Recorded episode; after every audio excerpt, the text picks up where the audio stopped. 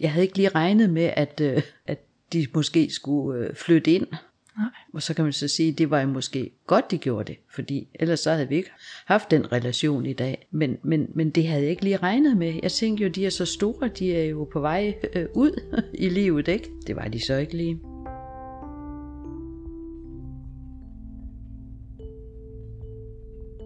I Danmark er det ca. 13 procent af alle børnefamilier, der lever i en såkaldt sammenbragt familie.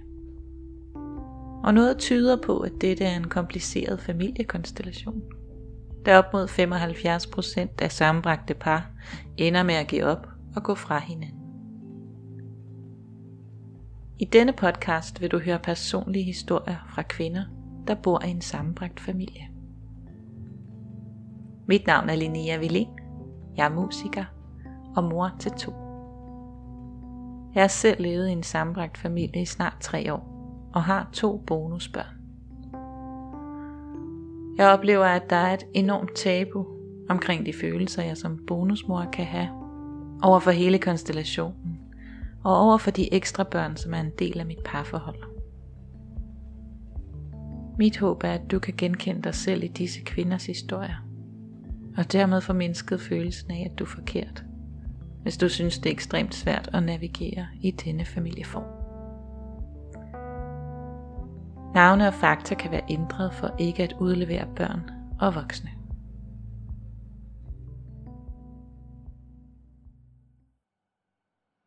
Du skal i dag møde Bodil. Jeg besøger hende i hendes hyggelige stue i et fint lille rødmalet hus et sted i Midtjylland.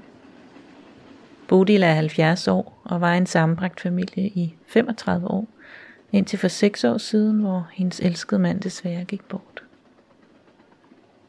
I dag føler hun dog til stadighed, at hun har fire børn og ni børnebørn, selvom hun kun er biologisk mor til to ud af fire børn. Men Bodil gør ingen forskel, hvilket man også kan se på hendes fine billedvæg, som til gode ser alle børnebørn, alle børn og deres partner. Da hun selv tænker tilbage på, hvilke ord hun ville bruge, hvis hun skulle beskrive sin sammenbragte familie dengang, kan hun kun komme på kærlighed. Men et opkald til hendes datter får hende til at tænke over og huske på, at der var mange andre følelser i spil end det. Hvis nu, at du skulle beskrive din sammenbragte familie dengang med tre ord, hvilke skulle det så være? Forskellighed, konflikt, kompliceret. Ja. Og det er nogle ret svære ord, men rummet på grund af stor kærlighed mellem øh, min mand og jeg. Og det tror jeg, de kunne mærke også, altså.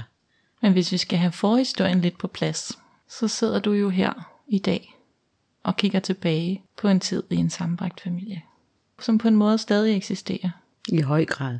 i høj grad. Men din mand øh, lever ikke mere. Nej. Og hans ekskone, børnenes, øh, bonussønnernes mor, Mm. Døde for et år siden. Okay. Så de har kun mig, og Ja. så mine børn og børnebørn.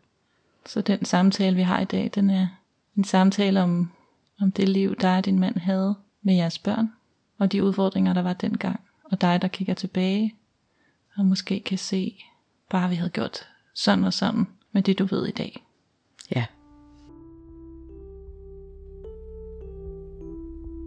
Hvis jeg husker rigtigt, Bodil, så har du to børn med 10 års mellemrum. Ja. Og de to børn er fra to forskellige forhold, eller med to forskellige fædre. Ja. Så når du møder din tidligere mand, der har du en, en søn på næsten Seks år. 6 år. Ja. Og cirka 3-4 år efter får du en datter med din mand. Ja. Og han har to børn i forvejen, Ja. da du møder ham. Som er 13 og 17 år. Ja. Og hvor længe siden er det, I mødte hinanden? Egentlig. Øh, vi mødte hinanden i 81 på øh, et kursus. Og øh, ja, han var underviser, og jeg faldt pladask for ham, fordi at jeg så nogle sider, nogle personlige øh, en del af hans personlighed, som viste, at han faktisk var en rigtig rar fyr. Og det faldt jeg for. Var det sådan pladask med det samme kærlighed ved første blik, eller groede det lige så stille og roligt op? Ej, det var faktisk sådan en, på en eller anden måde en samhørighed, eller en, det føltes bare rigtigt, Mm. lige fra begyndelsen. Og det viste sig jo så også, at det holdt i mange år. det var så ikke lige så godt, fordi vi var begge to gift på daværende tidspunkt. Godt nok i nogle ikke så lykkelige ægteskaber, og så er det at man kan finde på at finde en anden. Der gik et, et år inden jeg blev skilt, og så gik der to år inden min nye mand der blev skilt fra sin kone. Mm. Så jeg boede et par år alene med min søn. Og det tror jeg var fint nok. Altså, jeg havde aldrig boet alene. Jeg havde faktisk flyttet hjem fra mine forældre sammen med min første mand, altså daværende kæreste. Og det kan jeg da godt give råd om, at man skal lige være lidt selv alene, inden man flytter sammen med en kæreste. Har jeg da bestræbt mig på at sige til min datter og mine børnebørn også. Det er godt lige at finde sig selv først, Ja. inden man går ind i et forhold.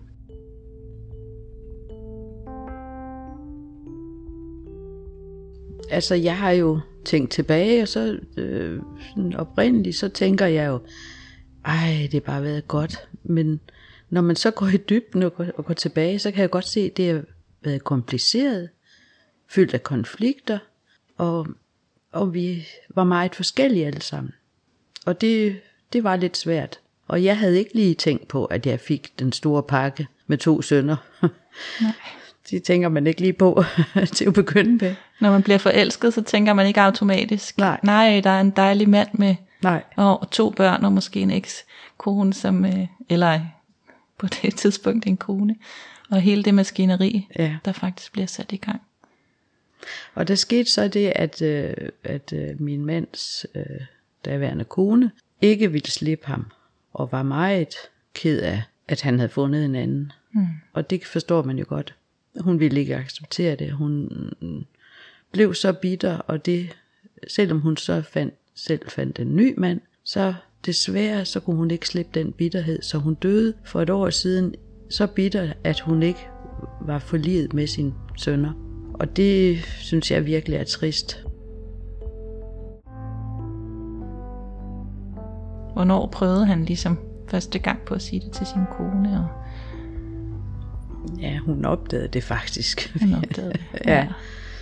Øhm, så de prøvede også at gå i parterapi, og de prøvede, og han prøvede at få hende til at forstå, at øh, når de nu ikke havde det så godt sammen, og så var det nok bedst, de skiltes og så videre. Mm. Men det var jo som en rød klud foran. Det, det, det kan man ikke få den anden til at forstå. Altså, det kan jeg da godt se. Altså, jeg havde jo så en mand, der var noget mere realistisk og vi havde mødt hinanden meget tidligt, og øh, var groet fra hinanden. Vi havde taget hver vores uddannelse, så vi var sådan groet fra hinanden. Og øh, han var så realistisk, så han, øh, han accepterede det. Fandt selv en ny kone, og, øh, og vi kan godt være i stue sammen i dag. Og det har jo gjort det mindre kompliceret, at han accepterede min nye mand også.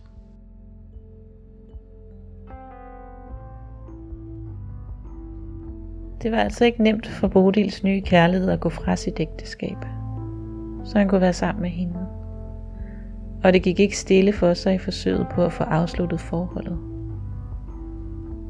Jeg spørger Bodil, hvordan hun oplevede konens udadreagerende reaktioner.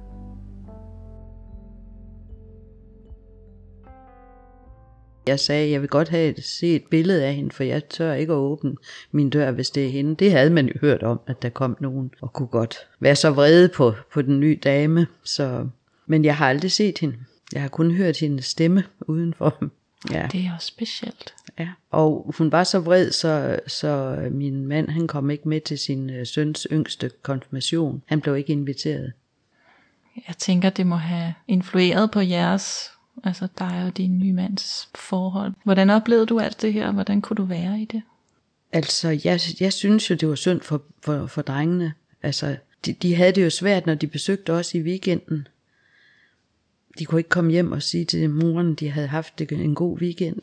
Og altså min mand var heller ikke specielt god til at, og, hvad skal man sige, lytte til dem. Altså, det, det, var, det var ikke den bedste skilsmisse, kan vi godt sige. Ja. De, øh, de kunne ikke tale sammen, hverken om det ene eller det andet, altså. Og øh, så tog hun simpelthen øh, den yngste med til Afrika. Hendes nye mand havde øh, job dernede, eller fik et job dernede. Og så øh, året efter øh, rejste den ældste også derned. Og der havde min mand lige fået øh, et papir på samme kvem, og han sagde, det er jo ikke et, det, det er jo ikke papir, man kan bruge til, til spor. Det, det var hårdt. Det var hårdt for ham. Efter at drengene har været nogle år i Afrika, bliver tilstandene derfor farlige for børnene. Og deres mor må bide det sure æble og sende drengene hjem for at bo hos deres far og Bodil. Den ældste er 20, den næste er 16, den tredje er 10, og deres fælles datter var 0 år. Og de havde altså alle børn boende på fuld tid hos dem. Da Bodils søns far ligeledes tog til udlandet for at bo. Derfor har de på det her tidspunkt næsten ingen alene tid sammen som kærester. Vi nåede aldrig rigtig at have en, hvad skal man sige, en uh, alene tid som, som kærestepar, fordi der var børn altid, og uh, det var måske også lidt svært. Kan I stadig være sådan forelskede og nyde, at de ligesom har mødt hinandens sjæleven, eller hvad man skal sige, selvom der er alle de her problemer? Ja, det kan vi godt. Ja. Det kan vi godt. Han var meget øh, sød til at, at køre fra det ene ende af landet til det andet, hvor jeg boede. Og, øh, og det kunne han gøre bare for, bare for lige at møde mig et par timer. Og, øh, og så ringede vi jo sammen hele tiden. Og det var i telefonbokse dengang. Det var sjovt. så i stedet der i vinter øh, og frosset. ja.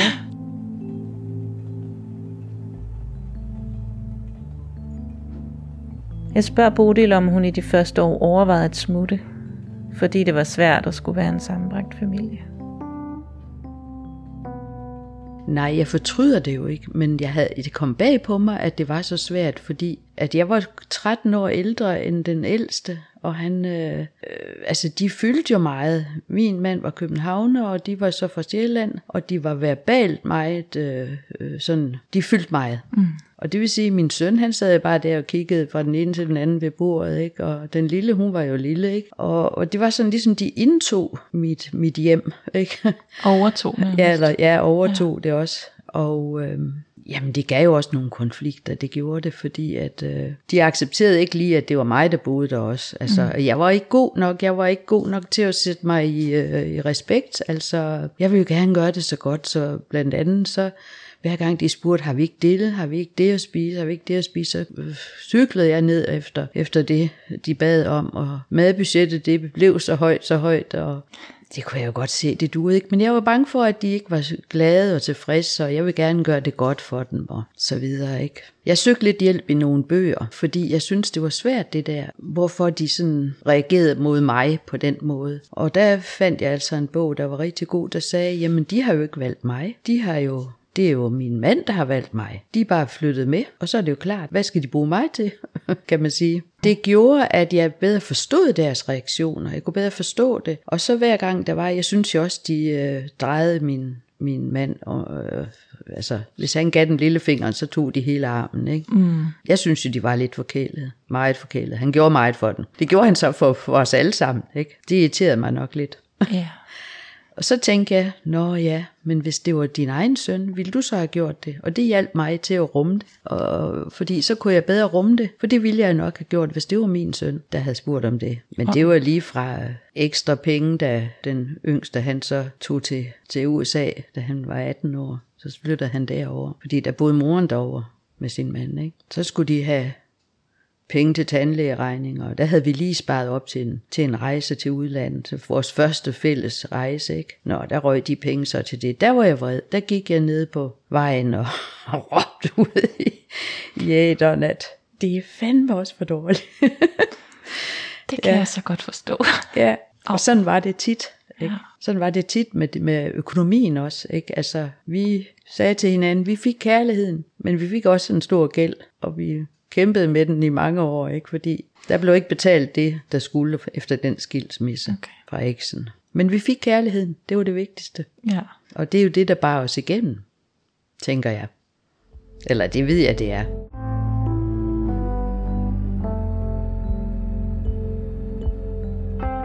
Og så var der mange konflikter også. Altså de havde, øh, jeg ved ikke om det var sådan, de havde reageret i det første ægteskab, men min mand havde et, et kraftigt temperament, og øh, det havde hans ældste søn også.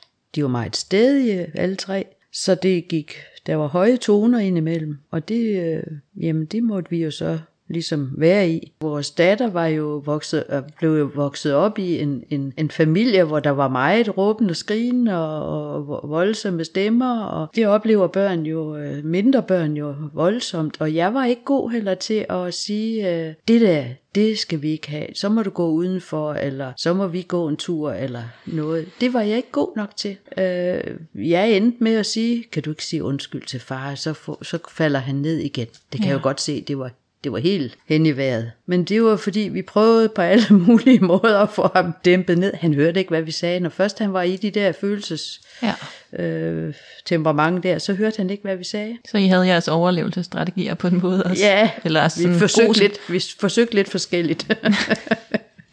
Men Ja. altså, det, har da, da, det fortrød jeg, at jeg ikke har stået mere op øh, for, for min datter og sagt, det der, det skal du ikke byde hende.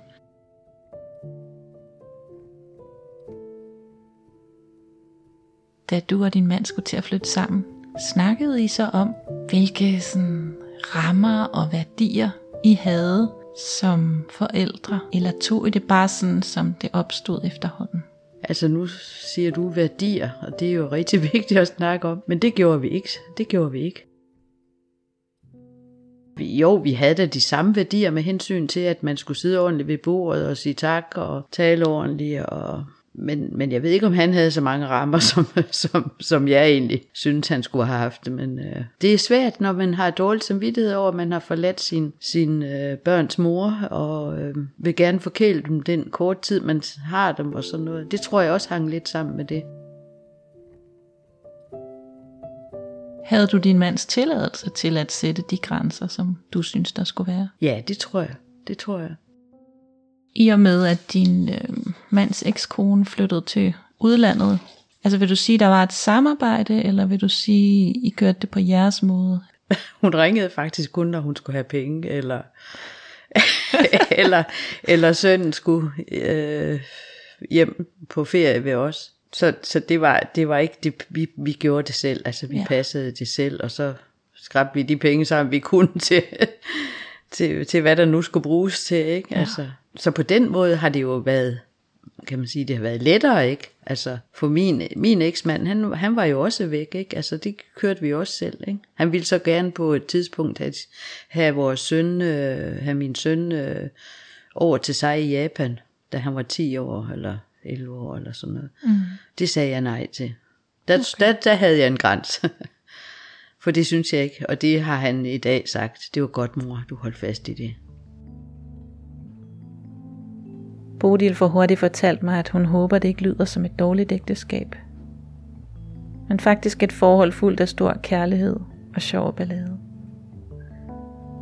En særlig god ting var deres ugentlige husmøder, som de begyndte at afholde ret hurtigt efter, at de blev seks personer i husstanden. Det fungerede på den måde, at man på skift valgte en lækker snack, der skulle hygges med. Og så fik man vendt kalender og de ting, som fyldte i hverdagen. Men det var også år med meget opbygget vrede hos Bodil, fordi hun ikke til fulde fik lært at sætte sine grænser i forhold til sine bonusbørn. Det resulterede i, at en juleaften, hvor den ældste bonussøn var på besøg, løb hendes vrede over sine bredder. Hun fik skældt den nu 22-årige ældste søn så godt og grundigt ud, at han forlod hjemmet. Og det resulterede i, at far og søn ikke havde kontakt i fem år. Det viser måske, set i bagspejlet, hvor vigtigt det er at være opmærksom på egne grænser i sit parforhold, i sit eget hjem, over for sin partner. Og over for sine ekstra børn. de var meget stedige begge to, så øh, jeg ved ikke lige, altså, jeg kunne ikke få den til at ringe til hinanden, eller kontakte hinanden, men, øh, og min mand sagde, jamen det er der ikke noget at gøre ved, og så må det være sådan, og det måtte det så ikke, fordi efter fire år, så begyndte han faktisk at reagere over for vores fælles datter, mm. og begyndte at sige, du ligner den store, og der var hun så teenager, ikke? Så sagde jeg det her, det går ikke. Okay, din mand begyndte at reagere over for Ja, jeres datter. ja, for han var jo ked af, at han ikke så sin søn. De havde været meget tætte, lige indtil sønnen han var blevet teenager, der var de virkelig tætte. Okay. Øhm, så det var da, det var da hårdt. Fordi man kan ikke bare afskrive en, et, et barn, vel? Det kan man ikke. Men det prøvede han på. Ja. Så- Sådan at sige, det, det betyder ingenting. Mm. Og så sagde jeg, det her det blev ikke ved med at gå. Det, du bliver nødt til at tage til psykolog. Og det gjorde han så. Og øh,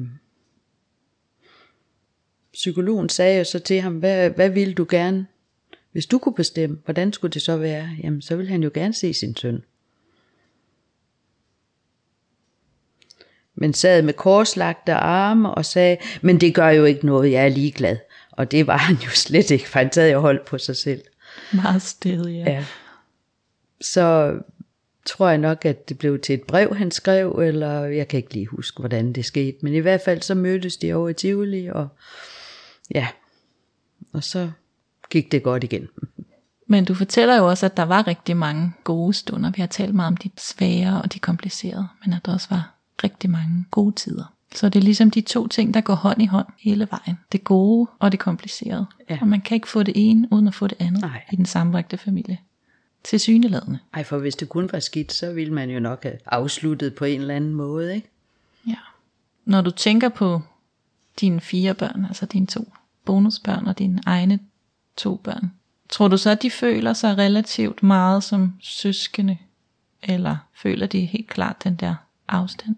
Jeg ved, at min datter, hun har savnet, øh, at hendes brødre ville meget mere med hende, eller noget mere søskende kærlighed. og så vil jeg sige, at øh, de har været der, når der har været alvorlige ting. Altså, øh, min mand fik øh, et blodprop i hjertet, og øh, jamen da skyndte min søn at hente sin lille søster. Hun var lige taget på tur langt væk fra hjemmet. Han hentede hende med det samme.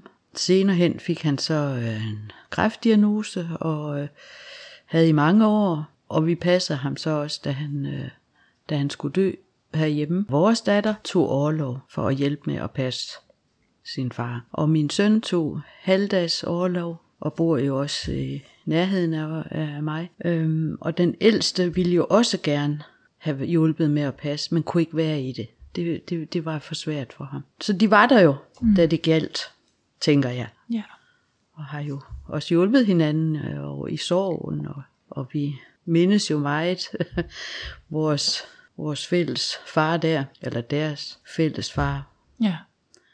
Så når du kigger tilbage på alt det, I har været igennem sammen, så har det formet jer til at være en familie på en måde, selvom I var. Ja, det har det, og altså, de inviterer hinanden til større ting, ikke? Konfirmation og barnedåb, og vi prøver så også at ses en gang om, om året i noget camping, hvor vi kan hygge os sammen. Og, og, og for mig, som jeg har jo så efterhånden ni børnebørn, og dem vil jeg jo gerne have, at de også får noget sammen. Og det er, er faktisk ved at lykkes.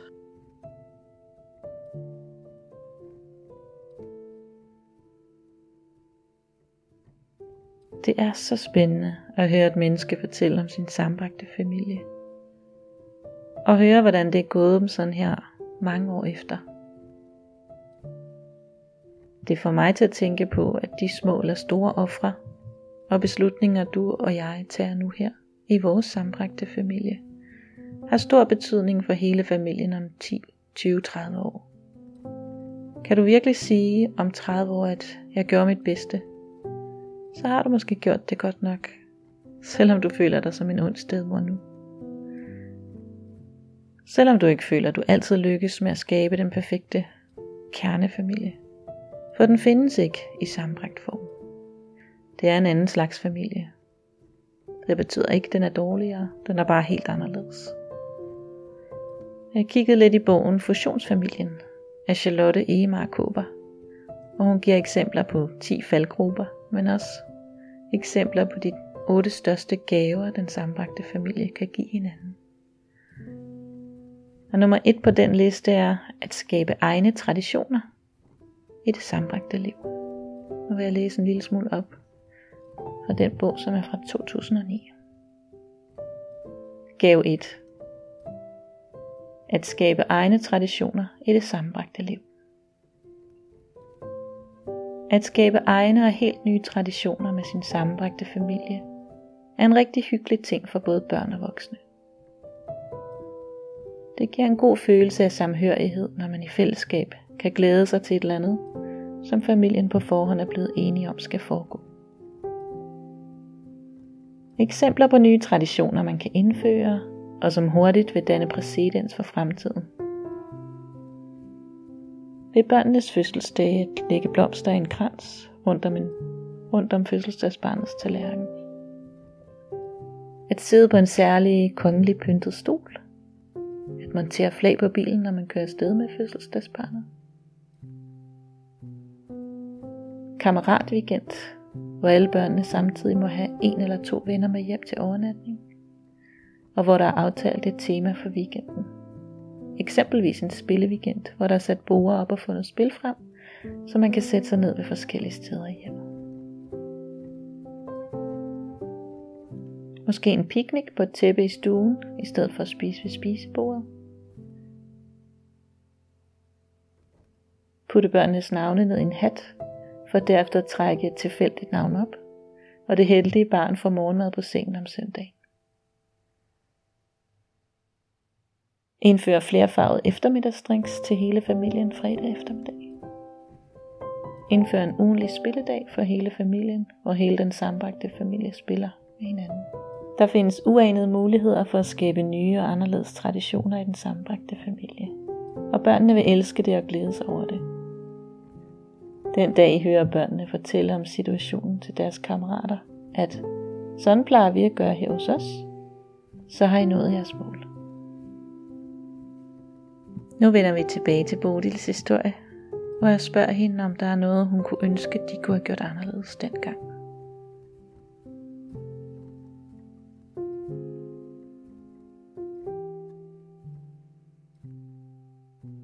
Men når du tænker tilbage, hvad er så din sådan, det du ønsker mest, de havde gjort? Altså set i bagspejlet. Hvad vil du så have, have gjort mere af, eller gjort anderledes? Eller vil du ønske, du kunne have gjort anderledes? Jeg vil godt have ønsket, at vi havde plejet vores egne børn lidt mere, fordi så havde de måske ikke blevet så jaloux over, at jeg var der hele tiden og sådan noget. Altså, det, var, det tror jeg mange mænd, de, de gør, når de kommer ind i et nyt forhold. Nu skal det bare virkelig øh, sættes øh, alt ind på det her, den her nye familie. Og så kan man godt komme til at, at, at glemme sine tidligere børn, eller sine første børn. Ikke? Og det øh, har jeg da også set i, i nogle ægteskaber eller skilsmissesituationer. Og det, det, det, det, øh, det tror jeg måske ville have gjort det lidt anderledes. Ikke?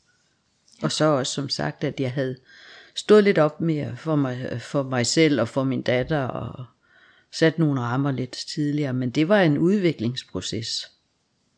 Det har det været, som jeg kan være glad for. Som Jytte Vigelsø siger. Et forhold er et hurtigt tog til udvikling, selvudvikling. Det er det.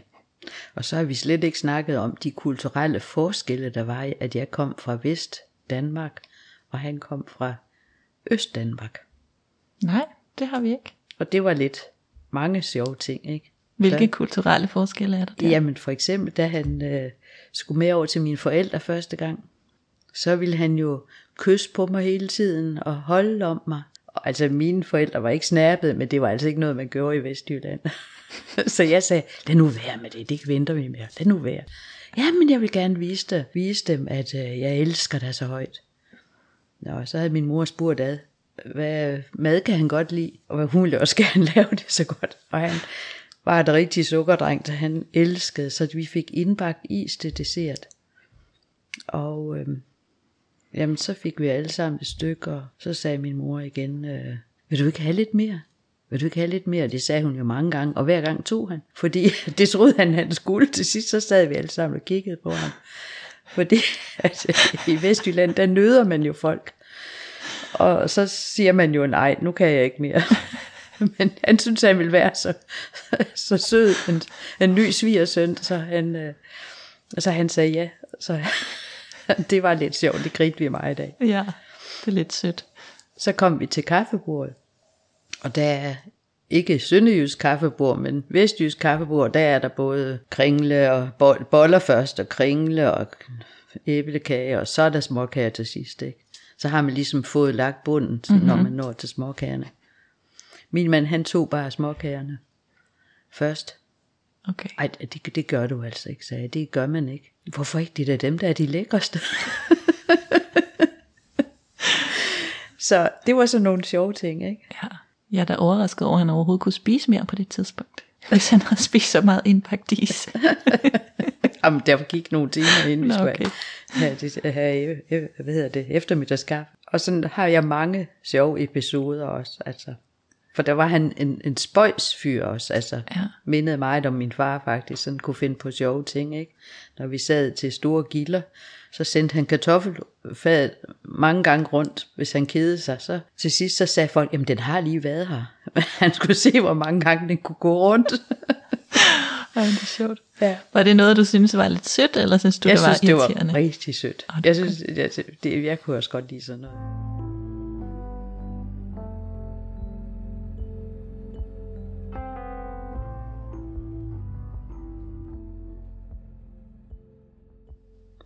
En anden ting, jeg også øh, synes, at jeg øh, kan fortryde, vi ikke gjorde. Vi skulle have taget meget mere øh, alene tid sammen med øh, hver vores børn. Ikke? Altså, min mand tog med sønnerne derned på den ferie sydpå, men jeg var der jo hele tiden. Og det var da også irriterende for den, tror jeg. Og øh, jeg tog jo heller ikke min søn med ud og spise, eller ud og fiske, eller, eller noget. Og det har jeg fortrudt. Men nu skal det så siges, at min mand og så min egen søn, de gik rigtig godt i, i, øh, i harmoni sammen. Da hans egen far jo var i udlandet i mange år, så betragtede han faktisk sin, min mand som sin gode far. Så, så, så, så der synes jeg måske heller ikke lige, der var det behov, men det ved jeg jo ikke, for jeg ved jo ikke, om min søn egentlig havde behov for at være sammen med, med mig alene.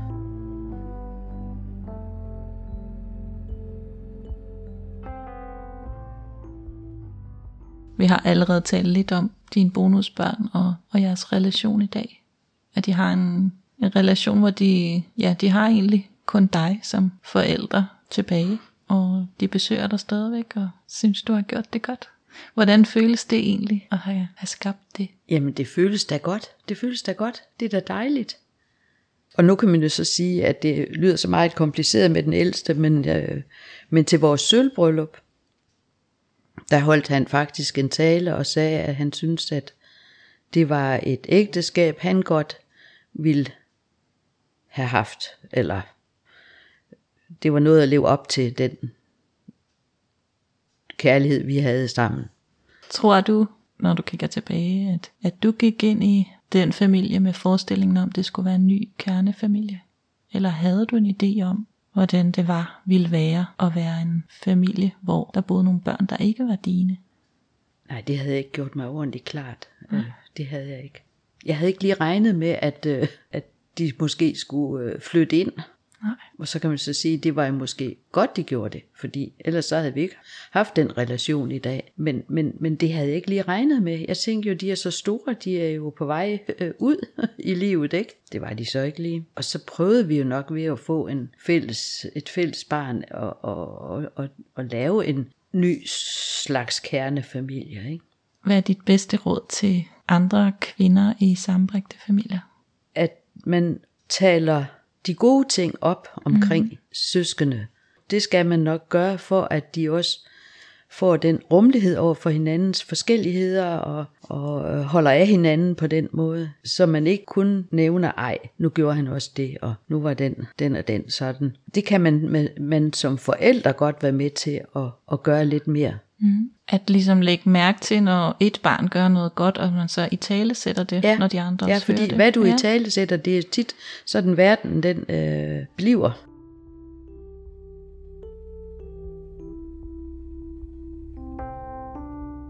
Mærk efter, hvad der er rigtigt for dig. Og øh, vær åben og rummelig, og ja, tro på kærligheden. Og den skulle helst kunne bære igennem, og hvis ikke den, hvis ikke den er der i tilstrækkelig grad, jamen så må man jo handle ud fra det. Hvad tro mod dig selv.